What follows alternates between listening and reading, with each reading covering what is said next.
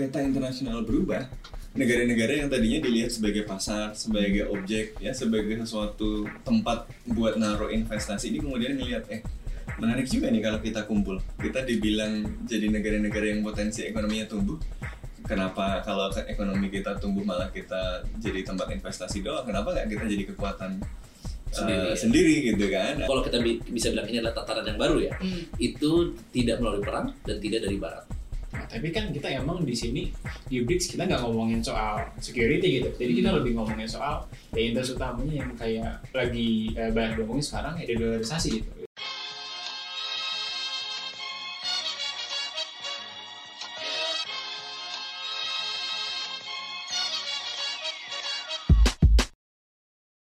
Selamat datang di podcast Bebas Aktif season 3 episode yang ke-6 bersama gue Ayu, terus juga ada eh, Ikhlas, ada Majid dan juga ada Mas Sofan di sini.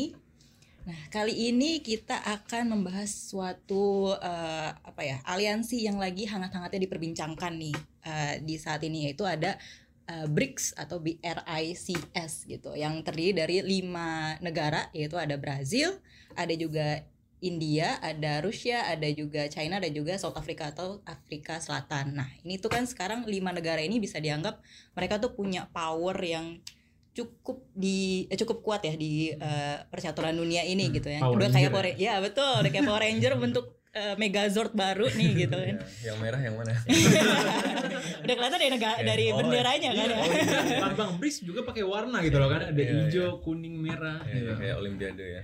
Nah, mereka ini kan sekarang eh, pertumbuhan dari segi pertumbuhan ekonomi juga diperhitungkan, dari segi populasi manusia juga kan dia setengahnya ada di sana gitu Iya. kan ya. Nah, ini sebenarnya BRICS ini tuh eh, buat apa sih dan ngapain mereka kumpul-kumpul kayak gini? Urgensinya tuh seperti apa? Oke, ya jadi kan uh, BRICS itu yang kita pengen bahas sekarang itu jadi uh, bisa dibilang lagi happening gitu lah di, Betul. di dunia gitu. Karena memang uh, BRICS sendiri dari awal pembuatannya dilihat akan menjadi kekuatan ekonomi baru gitu yang tumbuh di luar uh, forum-forum lainnya udah di dunia seperti yang cenderung ke barat gitu ya seperti G7 dan kemudian uh, BRICS ini uh, terutama di tahun ini gitu ya ada beberapa inisiatif-inisiatif baru gitu yang dikeluarkan seperti inisiatif untuk dedolarisasi uh, dan kemudian yang mengubah tatanan finansial dunia. Dan bahkan setelah uh, kemarin kan summitnya itu tanggal 22 sampai 24 Agustus gitu ya. Dan presiden kita juga akhirnya datang gitu. Karena uh, selama ini meskipun diundang belum pernah datang gitu ya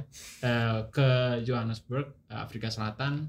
Setelah dia berkunjung juga ke, be- ke beberapa negara Afrika gitu dan yang lebih mengejutkannya lagi ternyata setelah summit tersebut ada enam negara baru yang diundang gitu ke dalam BRICS yakni eh, Uni Emirat Arab, Arab Saudi, Iran, Ethiopia, Mesir dan Argentina gitu ya. Jadi ini enam negara baru eh, dan ini membuat ya BRICS ini jadi eh, semakin besar gitu ya. paling enggak di dalam ukurannya gitu kalau memang enam negara ini mulai bergabung eh, Januari tahun depan. Makin besar jumlahnya, apakah makin besar pengaruhnya atau Nah. makin besar masalahnya?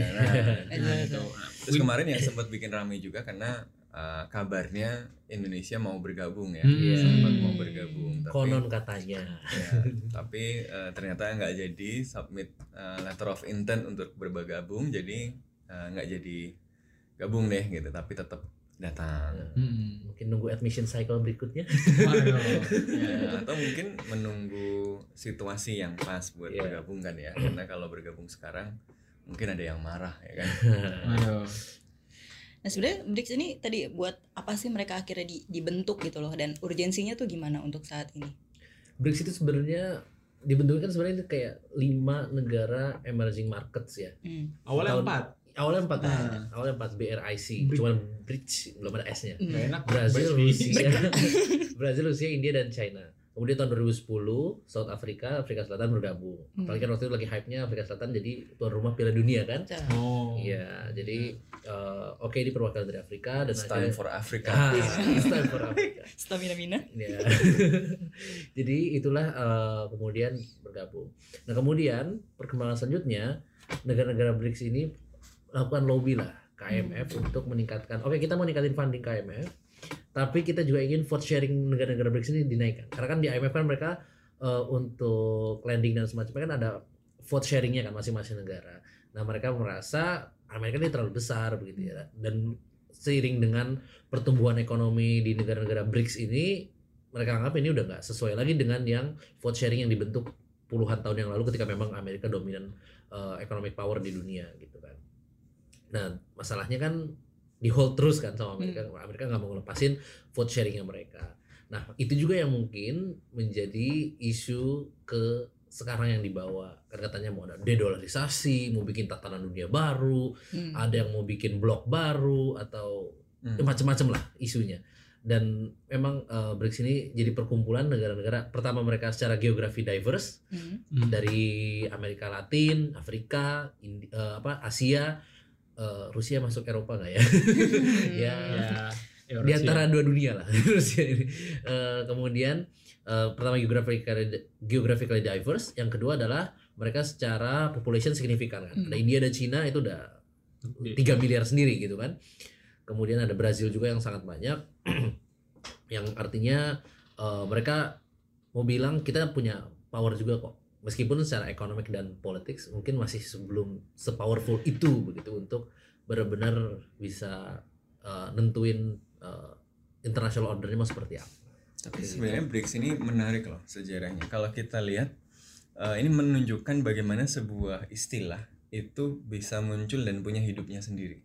Iya. Hmm. Jadi ketika dia pertama kali muncul dia digunakan oleh Goldman Sachs sebenarnya untuk melihat negara-negara mana sih yang kalau kita naruh duit di situ Potensial. eh, duitnya potensi untuk untung. Nah, jadi ini kan Oh, jadi- sebenarnya malah untuk kepentingan eh, Investor ya. internasional yang sedang dominan. Kita ingat tahun 2001 kan ya. Iya, jadi orang masih eh, kebawa suasana pasca perang dingin kan Hmm, bahwa hmm. oh dunia akan Borderless menjadi world. lebih Ya. eh, damai Lebih ya semuanya akan eh, terhubung dengan baik. Ini kalau mau naruh duit, naruh duitnya di mana ya gitu kan. Nah, naruh duitnya ini adalah di emerging markets ini. Nah, emerging marketsnya di mana-mana nih yang ekonominya kelihatannya tumbuh di masa yang akan datang. Nah, itu yang kemudian disebut dengan BRICS. Waktu itu nggak cuma BRIC ya, waktu itu ada istilah-istilah lain juga. Ada yang namanya TIMBI. Uh, TIMBI, Turki. India, Meksiko, Brazil, Indonesia. Nah, itu jadi prediksinya lain-lain. Jadi ada yang memprediksi Iya. BRICS, ada yang memprediksi Tim B. TIMBI. Ya gitu. Mikta juga ya Mas ya. Uh, kalau Mikta Mikta nanti belakangan, belakang ya, ya, belakangan. di pas di G20 nanti Oh, ada juga yang uh, apa ya waktu itu ada namanya tujuh negara uh, uh, emerging country salah satunya juga ada Indonesia Indonesia dulu juga sebagian pengamat bilang Indonesia harus masuk nih di BRIC dan kawan-kawan dan makanya namanya dulu BRICI sempat ada BRICI BRICI. ya, Atau Brazil Rusia gitu. Indonesia Cina Oh, uh, in- uh, India Indonesia. gitu. jadi Oh, Indonesia ini jadi berisik juga ya, ada jadi berisik Brazil Rusia India apa Indonesia. South Africa Sekarang Indonesia China ah berisik banyak Ah, bisa tuh jadi eh, jadi memang apa ya ini istilah yang awalnya dibuat biasa kan konsultan itu kan biasanya bikin keyword-keyword yang Iya, kelihatan biar keren gampang dipahami. biar ya. catchy gitu Iya. kan mereka kan jadi ahli IKN misalnya oh bukan itu singkatan lain itu Aduh. konsultan tapi singkatan Aduh. itu konsultan juga nah anyway eh, Dia tukang bakso lewat nih kayaknya. anyway eh, apa eh, dari konsultan-konsultan ini kemudian kelihatan oh memang benar ini adalah faktor yang penting tapi kemudian yang menarik adalah ketika eh, peta internasional berubah. Negara-negara yang tadinya dilihat sebagai pasar sebagai objek ya sebagai sesuatu tempat buat naruh investasi ini kemudian ngelihat eh menarik juga nih kalau kita kumpul. Kita dibilang jadi negara-negara yang potensi ekonominya tumbuh. Kenapa kalau ekonomi kita tumbuh malah kita jadi tempat investasi doang? Kenapa nggak kita jadi kekuatan eh, Sendiri, ya. sendiri gitu kan? Akhirnya nanti 2009 eh, apa ya udah kumpul aja sekalian. Eh, udah disebutin orang sebagai BRIC kita bikin aja sekalian BRICS lalu siapa yang bisa gabung ya. Nah, lalu akhirnya diajak juga eh, Afrika Selatan itu. Jadi jadi kayak apa ya Barat ngasih label wah ini negara-negara yang ekonominya besar nih di masa depan. Terus orang-orang ini sadar oh kita ekonominya besar ya di masa depan ya. Yuk kita bikin sesuatu Hmm. yang mungkin bisa jadi alternatif dari tatanan yang sekarang. Itu jadi kayak kayak si Barat ini bikin masalah sendiri ya sih? Ngasih ide. Ya. besar. Ngasih ide. Dia, dia sendiri yang ngasih label gitu kan? Heeh, karena kan ya itu kekuatan bahasa gitu kan kalau bisa dibilang ya. Karena kalau kita belum tahu sesuatu kita nggak punya bayangan gitu. Sebenarnya Iya, kita iya, apa iya. gitu kan? Begitu dikasih bayangan oh ternyata lo bisa kayak gini gitu loh. Oh, Iya, jadi iya. beneran. ternyata lo besar gitu kan. Oh, Ah, oh ya kita kumpul aja sekalian gitu ya besar The power of motivation berarti. Tapi yang menarik kemudian memang yang gue pengen tambahin juga dari eh, Majid tadi adalah inisiatif inisiatif yang dilakukan tadi. Tadi awalnya dia sebenarnya tadi untuk kepentingan investor, tapi inisiatif inisiatif yang dilakukan malah kemudian eh, sepertinya arahnya adalah memberikan tantangan kepada apa yang dipersepsikan sebagai tatanan internasional yang didominasi oleh Barat ya kan. Eh, sekarang ramai didolarisasi tapi sebelumnya juga sudah ramai tadi soal reformasi di eh, lembaga-lembaga keuangan internasional kemudian dia, dia juga membangun bahkan apa sebelum AIIB dibuat sendiri sama Hmm, Cina, Cina. di-lead sama Cina kan apa eh, multilateral development bank Iya. baru ya di New Development Bank. BRICS New gitu Development ya. Bank, Eh, NDB. ya berarti kalau ada yang new berarti ada yang Oh, Oh, kan nah. yang old udah ketinggalan zaman Nah, gitu sangat ini new ya kita new. nah jadi eh ya kayak Soekarno kan untuk menunjukkan itu dia perlu bikin nevo kan nevo gitu ya Mhm. kira-kira eh, logiknya eh, agak-agak mirip gitu nah tapi yang menarik juga sekarang di tengah peningkatan ketegangan internasional kemudian mereka mengundang kekuatan kekuatan eh, regional kan semua yang Iya. diundang kekuatan regional tuh betul Hmm. ada kekuatan regional di Afrika, ada Ethiopia ini negara yang salah satu yang tumbuh paling cepat ya di Betul. Afrika, Afrika. gitu ya. Headquarternya African Union juga di Ethiopia. Betul. eh, dan punya sejarah yang Iya. panjang juga gitu ya. Jadi secara ini memang punya pengaruh luas di Mhm. Afrika. Lalu Mesir, Mesir. Mesir ini agak di tengah-tengah ya. Dia wilayah Maghribi salah satu kekuatan paling dominan. Jadi tapi dia sekali di Afrika bagian utara tapi sekaligus juga Timur Tengah Hmm. bagian eh, barat.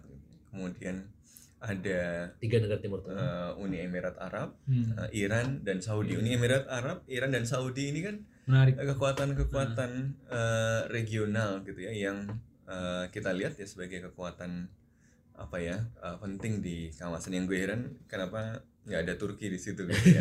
Karena Turki udah masuk dalam kategori timbi tadi.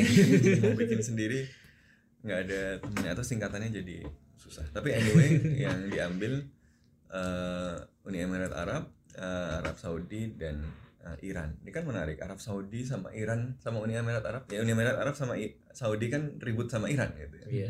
Sebenarnya mereka eh, bersering disebut sebagai kekuatan yang bersaing dan ini Tapi menarik karena didamaikan beberapa, Cina.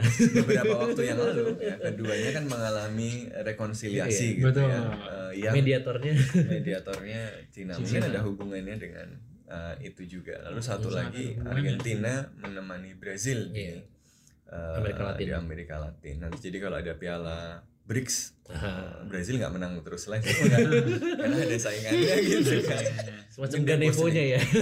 dingin nih di puncak gitu kan Dia harus Gantian. uh, apa Nyari saingan. ya agak bersaing kalau ada Iya. liga sepak bola jadi memang kayaknya ada pesan yang ingin disampaikan gitu ya bahwa ini loh kekuatan kekuatan kawasan itu eh, sudah capek sama tatanan internasional yang didominasi oleh satu kekuatan besar saja Hmm. ini buktinya apa? Buktinya ini wakil-wakil kawasan yang paling berpengaruh, yang paling besar ini bareng sama gue gitu. Hmm. Jadi eh, Nah, Barat itu waktunya sudah lewat lah gitu ya. Ah, ini buktinya semua kekuatan di kawasan yang besar semuanya mau bareng eh, sama BRICS plus plus plus plus plus, plus. Plusnya banyak Iya. ya.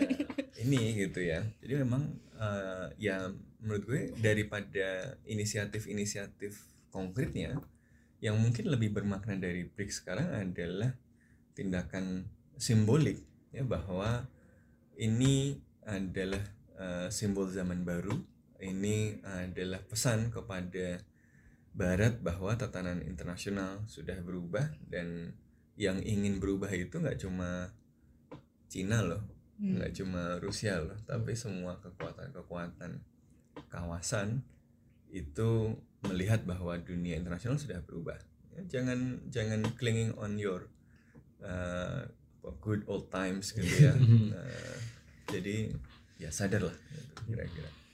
Kayaknya sih pesan utamanya itu. Iya. Uh, ya ya ya jadi kan emang dari awal kan eh, juga intensinya kan seperti itu ya dibuatnya BRICS Eh, meskipun eh, belum sebesar ini sekarang dan dengan dengan adanya kekuatan-kekuatan baru yang menambah eh, armada BRICS juga gitu akan bisa menjadikan eh, ya BRICS ini menjadi semakin relevan gitu apalagi kemudian kalau gue lihat apa ya eh akhirnya kan fokusnya ini kalau kita bisa tarik paralel dengan eh, forum-forum lainnya kayak G7, G20 ini kan tapi BRICS ini kan fokusnya dia menghadirkan eh, di tatanan finansial global yang baru gitu karena Hmm. kalau gue lihat ya dia kayak sekarang kan fokusnya di dolarisasi nah, itu Ya. kan berarti emang benar-benar ingin eh, mengurangi dominasi dolar gitu atau Hmm. bahkan eh, menghilangkan dominasi dolar gitu dalam transaksi di dunia gitu dan kemudian juga dari dulu udah bikin New Development Bank ya New Development Bank itu jadi eh, meskipun dibilang ya tetap bekerja sama dengan IMF dan World Bank tapi emang dari namanya sendiri udah Iya. New Development Iya, Bank berarti IMF sama ada yang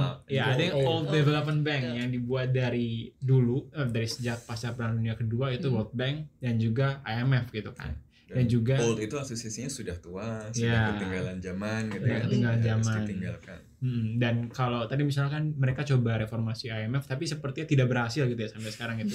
Ya berarti emang kita nggak jangan clinging sama yang lama tapi kita Iya. bikin a new thing aja gitu ya kemudian bisa menjadi eh, ya bisa sesuai dengan inisiatif-inisiatif Ya, kita. atau memang dibuat kepentingan- sebenarnya lebih ke negosiasi itu IMF nggak mau berubah kita bisa bikin sendiri kok kalau kita Iya. bikin sendiri IMF nggak relevan ya kasihan IMF sendiri jadi kalau lu nggak mau kita kembangkan ini serius lu ubah lu lakukan reformasi dong di IMF atau barangkali bisa begitu kan Hmm, benar-benar gitu. Tapi ini juga menarik gimana kemudian apa ya, ya usaha untuk membuat sesuatu yang baru tuh nggak cuma dibuat sendiri gitu kan. Misalnya kan ya IMF kan bukan cuma punya Amerika tapi Hmm. Barat kan secara lebih luas gitu kalau bisa kalau bisa kita bilang. Nah ini kan kemudian ada juga negara-negara yang lain yang berkumpul untuk membuat sesuatu yang baru gitu. Jadi inisiatifnya juga nggak Cina bikin sendiri, Rusia bikin sendiri, India bikin sendiri gitu ya. Hmm. Tapi ada juga inisiatif eh, multilateral gitu yang dibuat bersama-sama kayak gini. Hmm, hmm. Nah ini kan tadi dari tadi BRICS ini kan kita ngomongin urusannya ekonomi ekonomi ekonomi gitu. ngomong-ngomong ini kalau anggotanya nambah singkatannya berubah nggak sih Wah, jadi panjang banget berarti. BRICS Jadi Bricks apa Plus ya? Nah tadi kan sempat disinggung sama Majid juga bahwa nanti mau bikin kayak ada blok-blokan nih. Nah apakah BRICS ini tuh cenderung mau bikin blok baru kah atau jadinya non blok atau mau emang nggak mau ah Hmm. ikut blok barat gitu. Hmm. Jadi gimana? bagaimana Bung Majid eh tadi yang menyinggung di awal kan Bung Majid nih. Yang, yang baru kembali dari barat. Iya jadi padahal i nya bisa Italy itu oldnya old banget. lebih old lagi Lebih ya. old lagi Romawi kuno. Iya, jadi emang menarik ya kan kalau selama ini kita belajar kalau ada tatanan dunia baru itu pasti dihasilkan melalui proses uh, great power politics dulu karena perang dulu kah? Kayak ada Bretton Woods system itu kan setelah perang dunia dua kan. Kita baru bisa apa baru ada Bretton Woods system. Sebelumnya lagi misalnya uh, Vienna apa segala macam itu semua dari perang di Eropa dulu sekarang nggak ada perang dunia yang benar-benar perang seperti perang dunia kedua belum Bel-. Aduh aduh. sampai saat ini nggak ada optimis. Jangan. sampai saat ini nggak ada perang sebesar itu kemudian juga belum ada eh, apa namanya dan ini uniknya juga tidak berasal dari barat karena selama ini kita kenalnya oh ya udah dia ya dari barat Hmm. eh, liberal international order itu ya dari Amerika dari eh, pemenang-pemenang perang dunia kedua eh ini nggak ada perang dunianya nggak ada nggak ada dari baratnya makanya bisa bilang sesuatu yang unik. Dan bahkan pun negara barat kan nggak diundang ya dalam BRICS ini kan. Nggak ada tuh yang dari perwakilan Eropa atau Lu itu Amerika. nggak diajak. iya. Terlalu elit iya. Itu nggak diajak. bahkan paling nggak Eropa Timur pun enggak gitu kan. Eh, itu itu itu pun nggak ada begitu. Yang artinya eh, ini menarik kalau kita ngelihat eh, ada perubahan dari tren sebelumnya ketika membuat suatu tatanan baru. Kalau kita bi- bisa bilang ini adalah tatanan yang baru ya. Hmm. itu tidak melalui perang dan tidak dari barat tapi kita juga bisa ngelihat bahwa kalau kita bilang ini mau bikin blok sendiri semampu apa mereka bisa membuat blok itu sendiri? Misal kalau kita lihat dari tadi dibilang sama ikhlas ini mau bikin dedolarisasi gitu kan ya. Ingin mengurangi ketergantungan pada dolar. Sampai hari ini currency reserve di global itu dolar tuh masih 60 persenan Hmm. Cina renminbi itu masih ya 2% itu kan artinya masih sangat sangat sangat sangat sedikit gitu kan nomor terbesar itu masih dolar yang keduanya masih euro yang ya udah sama-sama temennya gitu kan Hmm. dari kekuatan lama juga bukan dari uh, kekuatan baru begitu dan itu artinya semampu apa dia bisa nge-replace itu atau bahkan eh, paling nggak jadi substitusi gitu kan Hmm. kalau nggak jadi a- atau paling nggak mungkin jadi komplementer lah dari itu kan dua persen banding 60% nggak bisa kita bilang komplementer karena secara eh, reserve-nya tuh nggak nggak nggak sebesar itu juga ya kan? Kemudian juga kalau dari segi politiknya sebesar apa mereka bisa mempengaruhi misalnya eh, dalam persaingan geopolitik global. Perang Rusia Ukraina kemudian juga ketegangan di laut Cina Selatan begitu kan? Atau jangan-jangan BRICS ini adalah eh, ada kekuatan dominan baru yakni Cina tapi karena dia nggak mau terlalu kelihatan dominan mau bikin peaceful rising dia ngajak teman karena misalnya bisa kita lihat Brazil dulu itu ekspor impor terbesarnya mitra dagang terbesarnya ya Amerika. Sekarang udah Cina gitu kan. Argentina juga sama. Eh, di negara-negara Afrika juga begitu kan. Hmm. Cina jadi dominan di situ kecuali eh, kemudian juga India. Meskipun saingan tapi kan mereka hubungan Hmm. ekonominya juga tetap apa perdagangannya tetap kuat juga. Apakah ini adalah Cina ingin naik tapi dia nggak mau kelihatan terlalu obvious gitu kan kita ajak teman ya kan? Biasanya kan eh, anak baru dibu biasa dibully terus kemudian dia mau bersinar dia nggak mau terlalu kelihatan bersinar sendiri makin dibully gitu kan? Jadi ajak-ajak teman biar nggak terlalu dibully. Nah itu itu juga bisa jadi kemungkinannya gitu Hmm, oke. gue ada beberapa komen nih. Nah, jadi sebenarnya kalau gue cenderung nggak terlalu highlight eh, peran Cina prominent, tapi nggak terlalu highlight kayak Cina ini super power and driving BRICS. Karena menurut gue nggak begitu gitu loh. Karena dari awal juga gimana, misalkan tadi di, dicetuskan istilah BRICS, dan kemudian apakah negara-negara BRICS itu mau bergabung karena disuruh Cina? I don't think so gitu. Karena Iya, emang iya.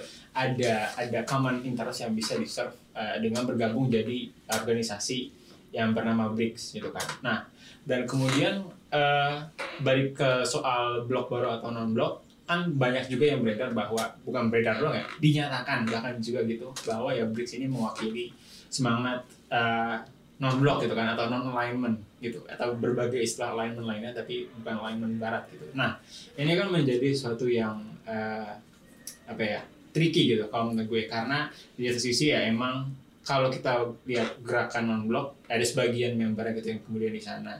Tapi juga bagaimana bahwa eh, ya kalau misalnya kita bicara dalam terms perang dingin gitu ya kan ya yang kemudian jadi kekuatan di perang dingin dulu ya Rusia sebagai salah satu eh, penerus Uni Soviet penerus utama Uni Soviet kan di sana gitu. Dan juga Cina yang kemudian juga dianggap sebagai kekuatan revisionis utama dianggap sebagai kekuatan revisionis utama ya Hmm. bukan gue bilang. Itu eh, ada di sana gitu. Nah berarti kan ini mewakili uh, gua mungkin belum menjadi suatu blok yang kompre yang uh, komprehensif gitu ya. Tapi ini kan mewakili suatu poros kekuatan yang berbeda dari barat gitu. Nah jadi apakah ini non aligned atau gimana? Ya itu harus melihat dari dari instrumentalisasinya sih kalau menurut gue ya. Tapi ada potensi dia untuk kemudian menjadi poros baru gitu. Jadi bukan replacement tapi alternatif. Mm-mm, gitu. Jadi Iya. Mm.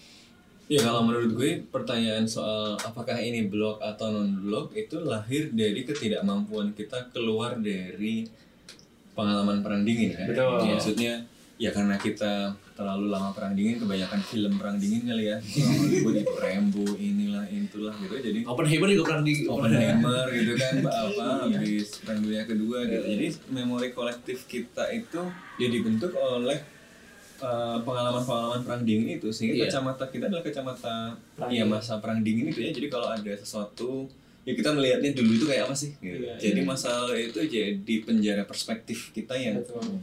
yang kita melihat sesuatu yang mungkin berbeda tapi dimirip-miripin gitu ya Iya. sama sesuatu yang pernah ada. Kalau gue ditanya apakah dia blok atau non blok dia bukan dua-duanya gitu Hmm. ya. Eh, pertama dia bukan blok. Kenapa dia bukan blok? Karena menurut gue kalau blok dia harus kohesif ya semua Iya. eh, orientasi politik luar negerinya mungkin sama dia punya satu Kayak blok barat, timur gitu. asumsi bahwa ada satu polnya yaitu Iya. Cina tapi rasanya kan enggak di situ kekuatan kekuatannya besar dan walaupun ada banyak persamaan ini kekuatan yang sangat beragam ada eh, Rusia ada eh, Cina tapi juga yang kemudian sering dilihat sebagai revisionis tapi juga ada India India yang gabung juga dengan Quad. Kuat ya. Quad misinya apa? Mengurangi pengaruh Cina, Cina di di Asia. Eh, Asia Tenggara. Jadi eh, apa buat India iya. eh, itu bukan kepribadian ganda ya memang pilihannya begitu. Dan Iya. Cina sadar itu dan nggak ada masalah juga kan gitu. Eh, lu temenan sama gue di sini lu di kuat nggak temenan sama gue juga nggak apa-apa gitu. Dan dan apa ya banyak yang kemudian melihat bahwa ya karena perbedaan-perbedaan yang eh, sangat besar ini eh, ya BRICS tidak akan bisa menjadi suatu organisasi yang efektif ya banyak yang bilang begitu Iya, iya, banyak banget. Ya, tapi kalau menurut gue barangkali memang tujuannya bukan untuk menjadi blog atau bukan untuk menjadi sebuah organisasi yang efektif betul. Iya. tujuannya lebih ke tadi dia mengirimkan pesan bahwa zaman sudah berubah bahwa gini kita harus ini harus diselesaikan. Tatanan yang didasarkan asumsi bahwa sistem internasional itu unipolar. Iya. Eh, ini ada banyak pool. Masing-masing pool ini punya interest masing-masing ya nggak apa-apa. Tapi semua pool ini ngomong bahwa eh jangan unipolar dong multipolar dong gitu kan.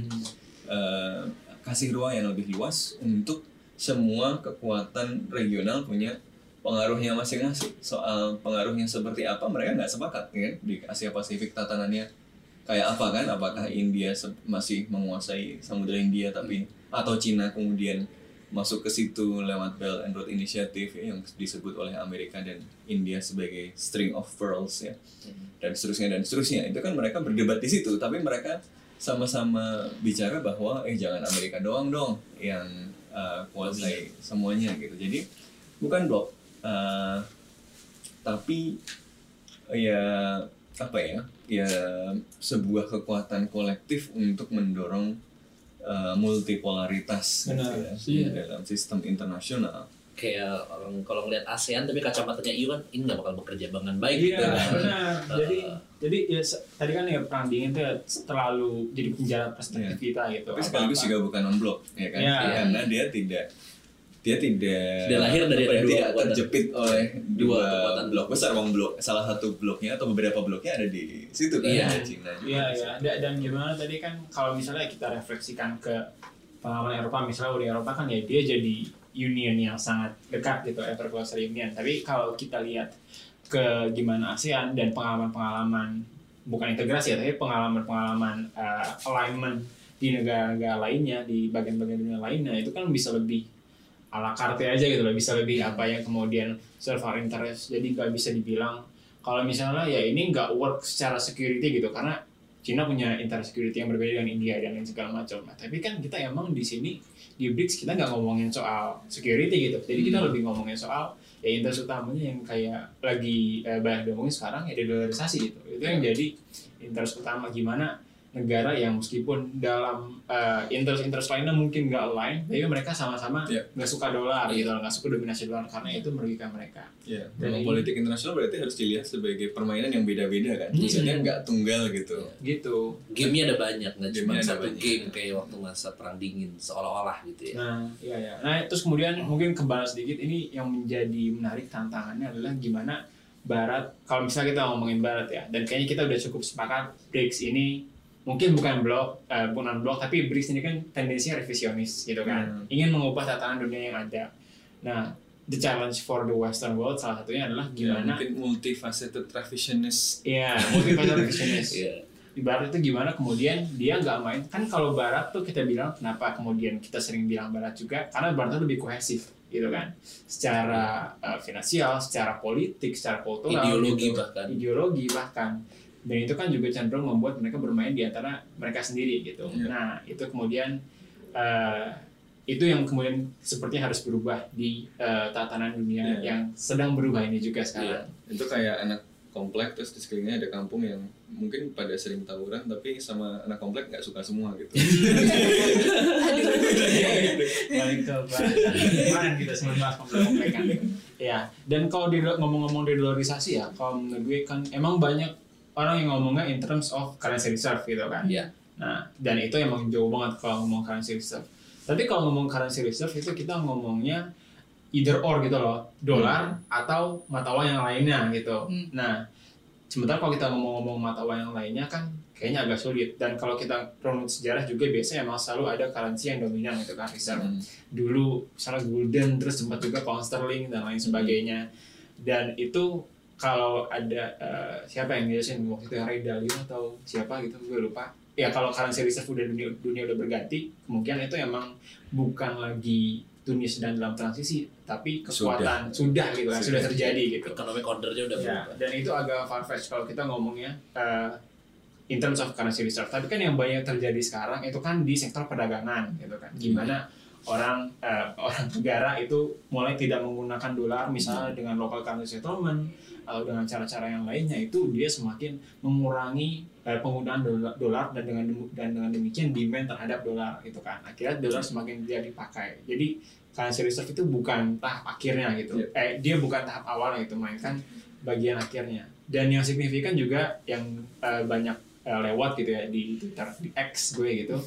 Gimana kemudian eh, ini dimulai adanya Saudi Arabia, eh, Iran dan juga Uni Emirat Arab itu kan produsen eh, minyak, Minyak. besar Minyak, dunia iya, gitu kan. iya. Nah eh, ini kemudian gimana? Rusia juga produksi Iya. minyak. Gimana, gimana ya? Rusia juga produsen besar, jadi Iya. mungkin jangan bersaing sama OPEC tuh BRICS sekarang.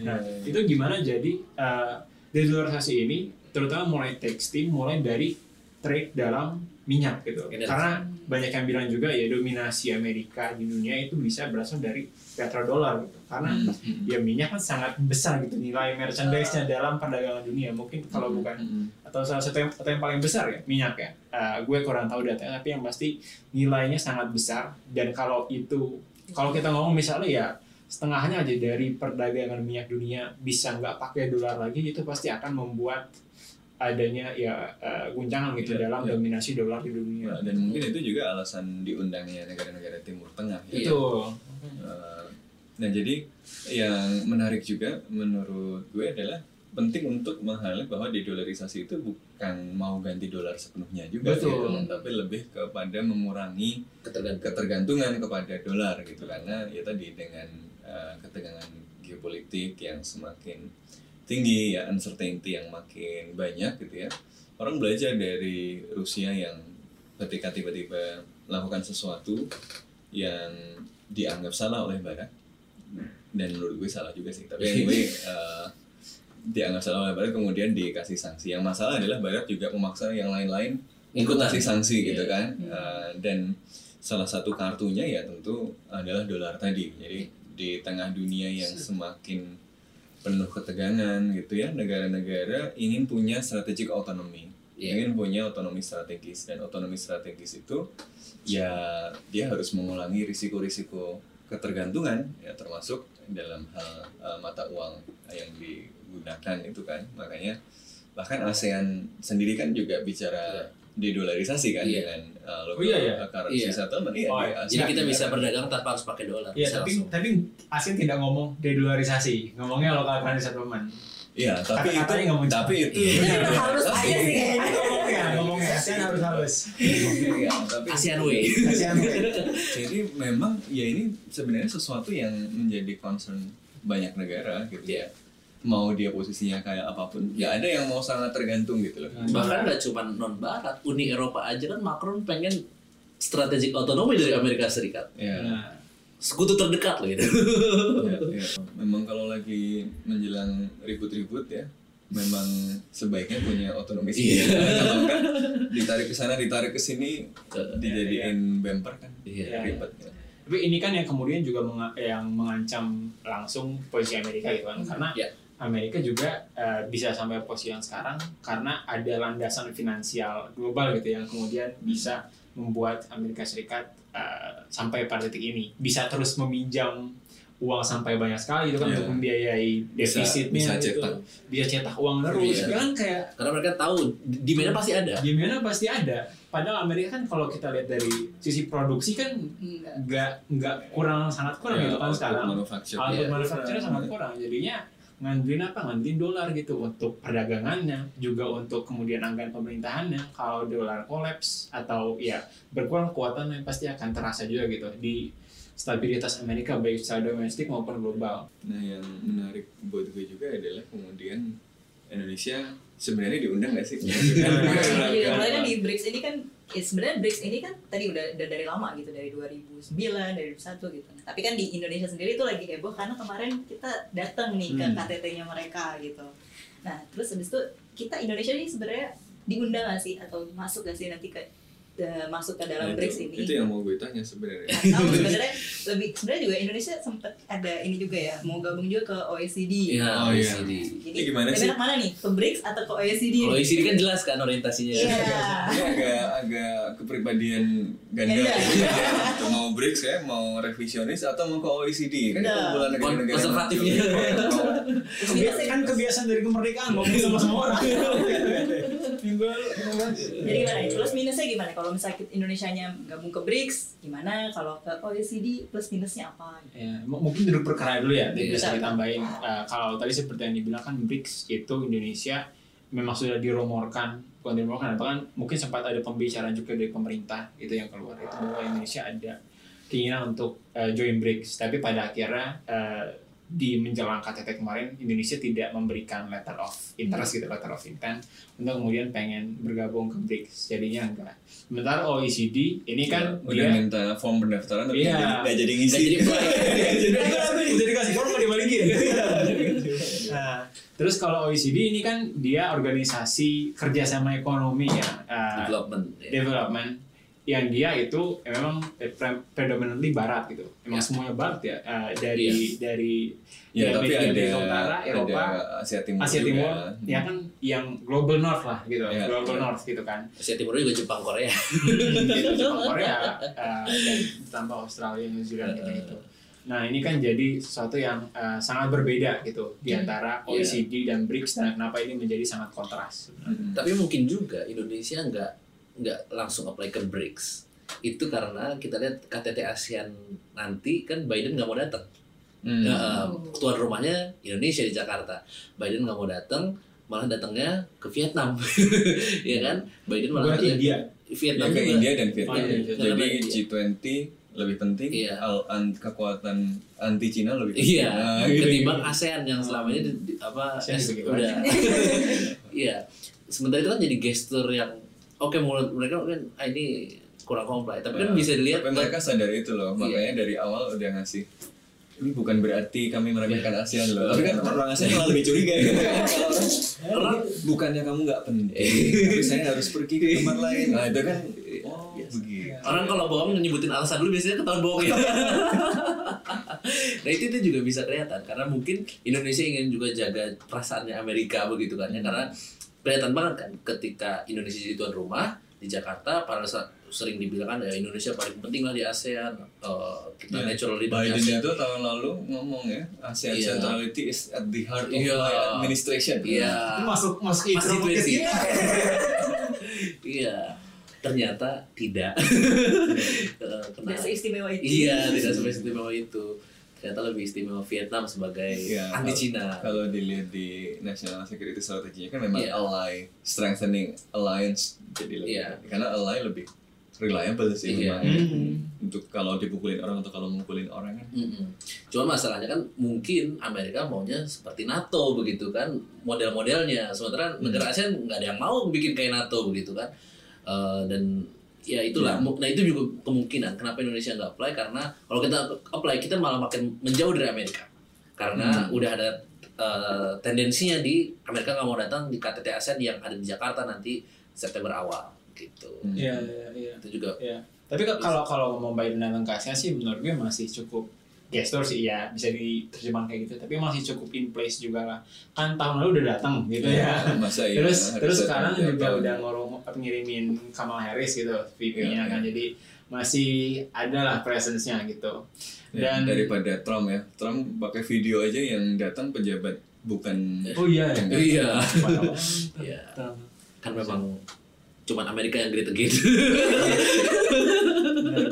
yang Amerika yang lain gak usah great great amat lah Iya. kalau Trump. Nah, eh, tapi kemudian kalau kalau ngomongin Indonesia dan BRICS gitu ya, kayaknya sih kalau kita ngomongin BRICS tadi kan, eh, ya ada kalau gue ngeliatnya ya frontier ada dua gitu, satu yang frontier finansial kayak deglarisasi, terus juga eh, new kayak lending bank kayak new development bank itu, itu kan sebenarnya bisa bisa kita eh, dapat benefitnya to some extent tanpa benar-benar kita join BRICS gitu kan karena kan kalau BRICS jadi kalau dibilang kayak Majid sama Majid benar join BRICS itu is more of a statement Iya. daripada more of a symbolic More of a action symbolic daripada action. programnya Di- sendiri di Iya. kalau programnya sendiri kalau misalnya kita bicara dedolarisasi atau mengurangi penggunaan dolar dalam perdagangan itu kan bisa kita lakukan tanpa mengikuti BRICS gitu di Iya. level ASEAN kita pakai currency settlement kita juga kalau mau dagang bilateral juga lebih. iya kita juga mau dagang sama Saudi Arabia mau sama Cina kalau nggak mau pakai dolar ya tinggal sepakat secara bilateral gitu Iya. sama mereka gitu loh mungkin jadi Liga Indonesia tetap bisa mengakses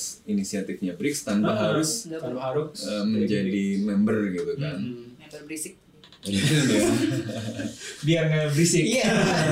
karena kalau berisik nanti justru takutnya malah merugikan interestnya yang lain gitu Tapi kalau OECD ya di- yang diharapkan adalah ya tadi manfaat-manfaat langsung ya. Heeh, Iya. iya, iya. Apa Jadi sebenarnya kalau kalau gue ngeliatnya OECD itu lebih ke apa ya? Eh, knowledge sharing gitu loh. Jadi Iya, iya. jadi sebenarnya kan prinsip dari OECD juga kan adalah komitmen terhadap demokrasi gitu kan ya. Jadi emang Mm-mm. cenderung kebalik tuh kalau bisa dibilang. Eh, karena kan nggak semua negara Iya. dalam ada kondisi demokrasi yang sama. demokrasi dan Konsepsi. ekonomi yang cenderung liberal kan. Ekonomi Iya. cenderung liberal ya market yang market salah ekonomi. satu yang mungkin nanti akan apa ya nggak tahu sudah dipikiran atau belum kalau Indonesia mau gabung OECD kan artinya uh, kebijakan-kebijakannya juga harus align dengan Iya, OECD. iya. Artinya uh, model-model seperti yang sekarang lagi didorong hilirisasi gitu ya Nah, atau proteksi terhadap beberapa Ah, masuk sektor tuh, nggak bisa. masuk gitu loh. Hmm. Jadi ini beneran mau masuk Iya. pengen masuk dengan meresikokan itu atau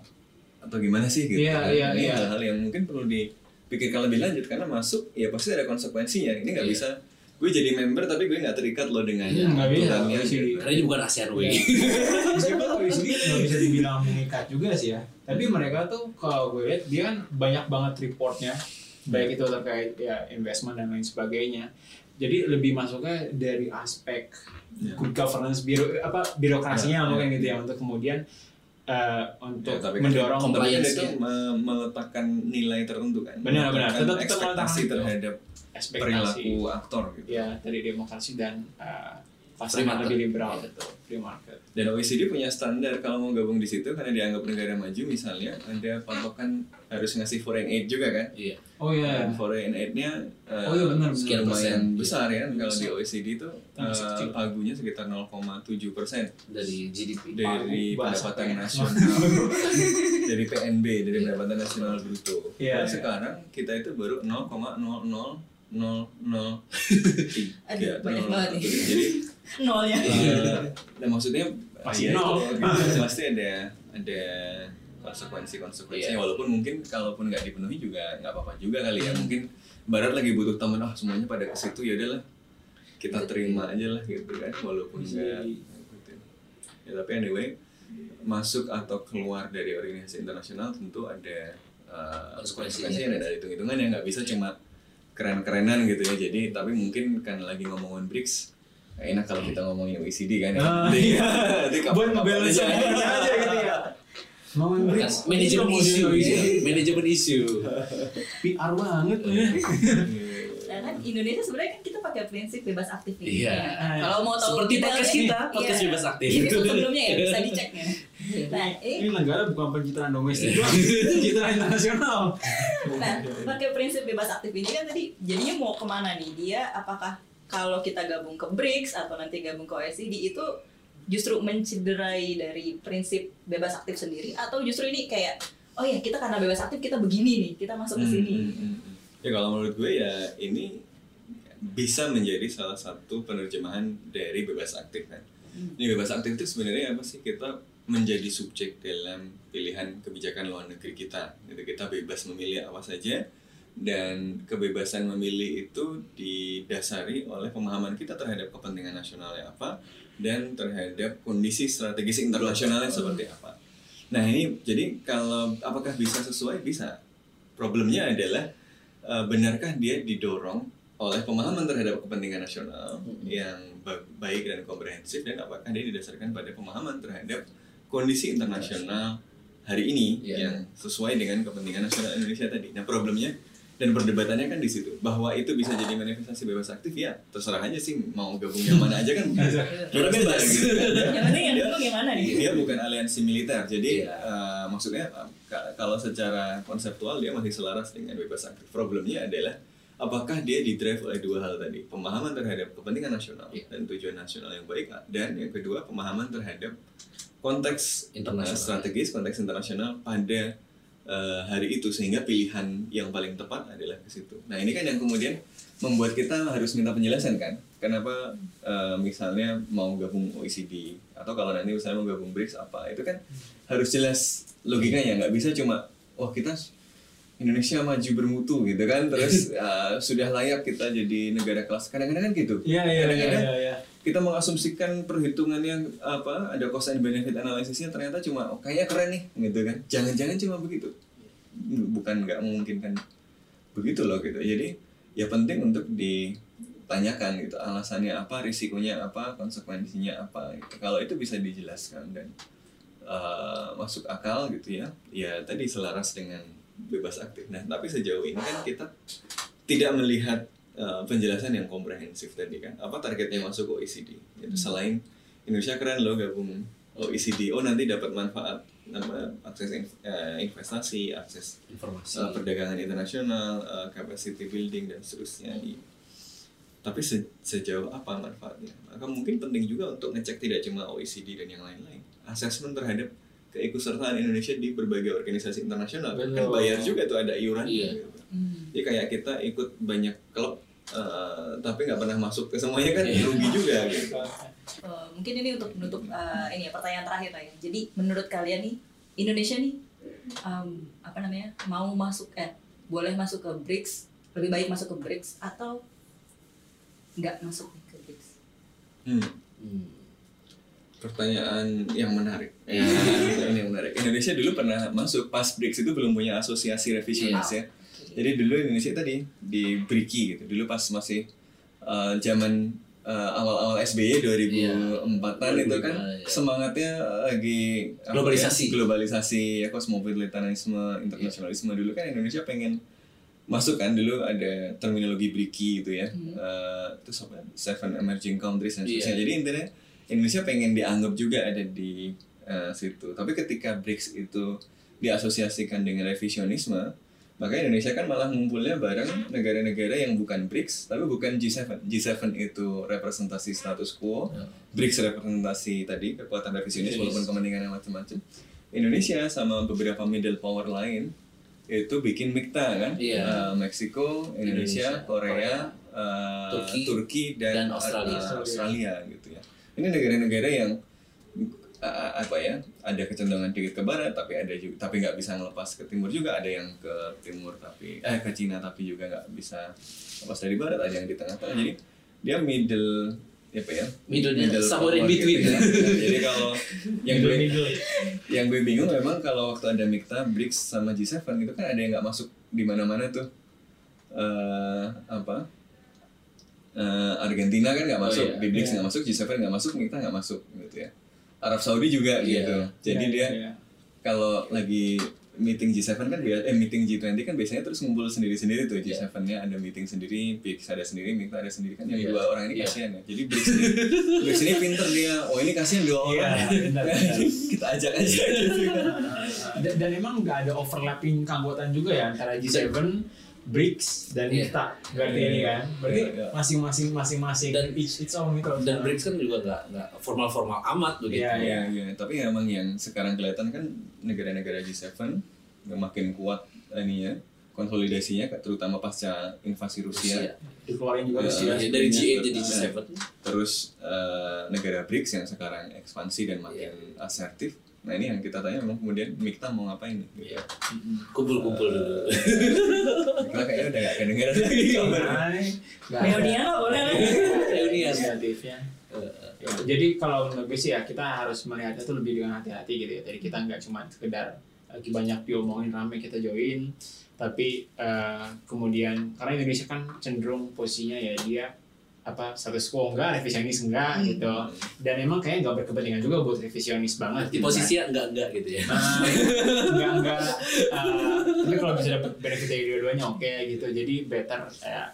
mungkin nggak menutup kemungkinan misalnya in the future kalau emang ternyata kita lebih interest buat Kalau join menurut gue posisi Indonesia sebenarnya revisionis kan. Indonesia tidak menghendaki ada dominasi satu negara. Hmm. kuat kan. Jadi which is yang tadi uh, dominasi Barat, barat, sepenuhnya kan Indonesia menolak terus seperti Iya. itu. Tapi Indonesia juga tidak mau penggantinya adalah Cina dominasi dari kekuatan lain baik Iya. di level global maupun di level regional gitu. Jadi eh ya tadi eh, mungkin Indonesia punya pandangan yang sama tapi ada risiko dipandang sebagai kekuatan revisionis yang followernya Ya, jadi Iya.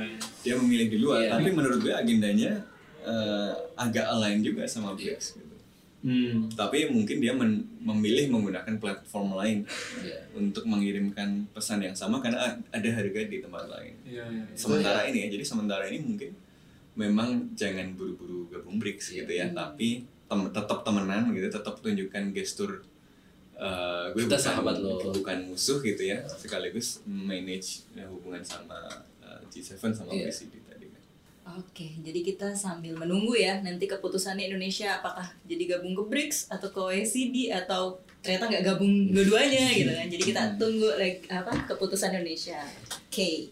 Jadi sampai di sini dulu untuk uh, podcast bebas, bebas aktif episode ini. Jangan lupa juga dengerin kita di Spotify. Jangan, jangan lupa juga untuk like, subscribe dan juga komen dan juga nyalain alarmnya untuk tahu update kita selanjutnya. Ya. Ah. Dan- Bye bye.